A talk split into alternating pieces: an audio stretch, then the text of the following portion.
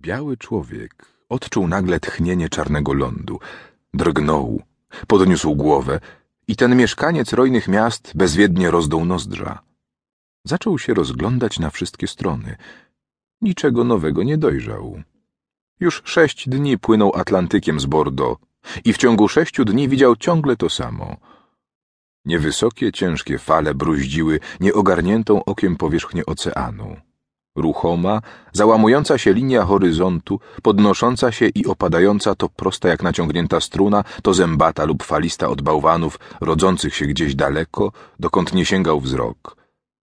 Płynące lub miotające się w powietrzu czeredy mew, potargane przez nieustający ani na chwilę wicher, porwane na strzępy białe obłoki.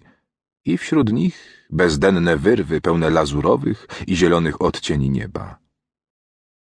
Wszystko to Biały człowiek ujrzał w chwili niepojętej trwogi, czy może tajemniczego przeczucia, a jednak usłyszał prawie nieuchwytny szmer w powietrzu i wciągnął w płuca suchy, gorący powiew.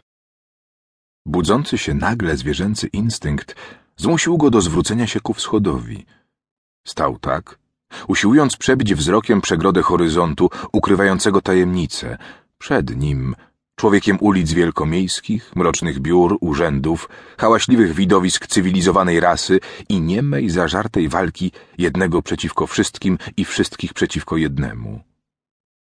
Długo stał i uporczywie się wpatrywał, zwróciwszy oczy ku wschodowi. Minęła cała godzina, może więcej, aż dojrzał bladożółte pasemko ziemi wyłaniającej się nad horyzontem.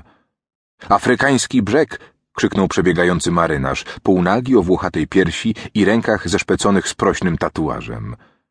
Afrykański brzeg, szeptem powtórzył biały człowiek, wpatrzony w żółte pasmo ziemi, nabierającej coraz bardziej czerwonej barwy. Oczy mu się zwęziły, szczęki zwarły mocniej, aż guzy mięśni poruszać mu się zaczęły koło uszu. Nozdrza wciągnęły z rezygnacją czy z rozpaczą gorący dech nieznanej ziemi.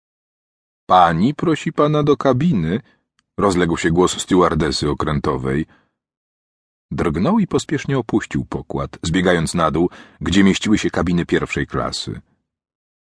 Biały człowiek zastał w swojej kajucie lekarza okrętowego, co dzień odwiedzającego jego żonę cierpiącą na morską chorobę.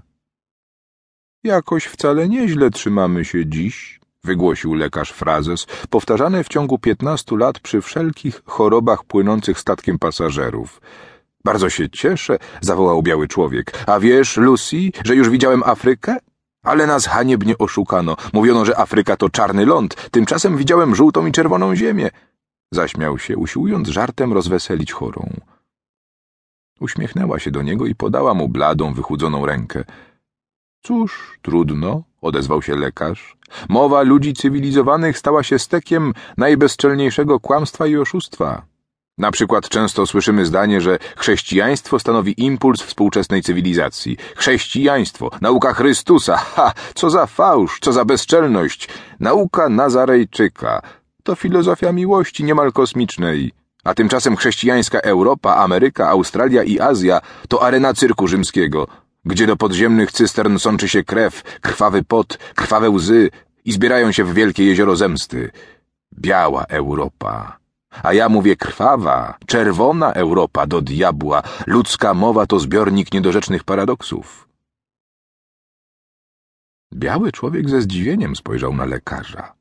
Eskulap okrętowy dotąd odznaczał się małomównością, wyjątkowo dobrym apetytem, umiejętnością wyboru wina, słabą wiedzą medyczną i zdawkowymi sentencjami, wytartymi jak zielone sukno klubowych stolików karcianych.